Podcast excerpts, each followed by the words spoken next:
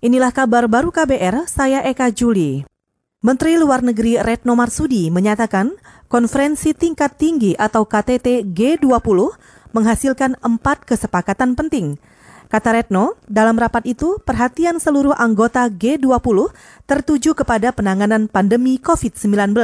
Akan dikeluarkan leaders uh, statement yang intinya dibagi di dalam empat hal satu adalah mengenai upaya untuk memerangi pandemik, yang kedua adalah bagaimana kita men-safeguard ekonomi global, yang ketiga adalah bagaimana kita mengadres disrupsi uh, perdagangan, dan yang keempat adalah bagaimana kita memperkuat uh, kemitraan uh, global atau global uh, cooperation. Menteri Luar Negeri Retno Marsudi juga menambahkan, pertemuan itu juga membahas langkah-langkah yang akan diambil untuk melindungi setiap warga negara dalam menangani virus corona. Sebab menurutnya penanganan virus corona di negara berkembang sangat berbeda dibandingkan negara maju. Bank Indonesia memprediksi inflasi pada bulan Maret akan rendah.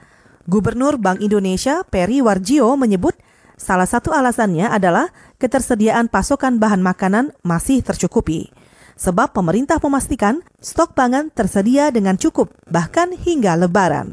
Berdasarkan survei pemantauan harga kami sampai minggu ketiga ini, kami perkirakan pada bulan Maret ini inflasinya 0,11 persen mantuman. Year on year-nya adalah 2,98 persen. Kami tidak melihat ada suatu lonjakan harga. Gubernur Bank Indonesia Peri Warjio juga menambahkan, ada empat faktor yang membuatnya optimistis kalau kondisi perekonomian Indonesia aman dari inflasi, meski saat ini dalam kondisi darurat virus COVID-19. Selain itu, menurut Peri Warjio, Indonesia juga dianggap mampu memenuhi kenaikan permintaan yang ada. Bank Indonesia juga meluncurkan sejumlah kebijakan untuk menjaga stabilitas pasar keuangan. Peri yakin pelemahan rupiah hanya bersifat sementara.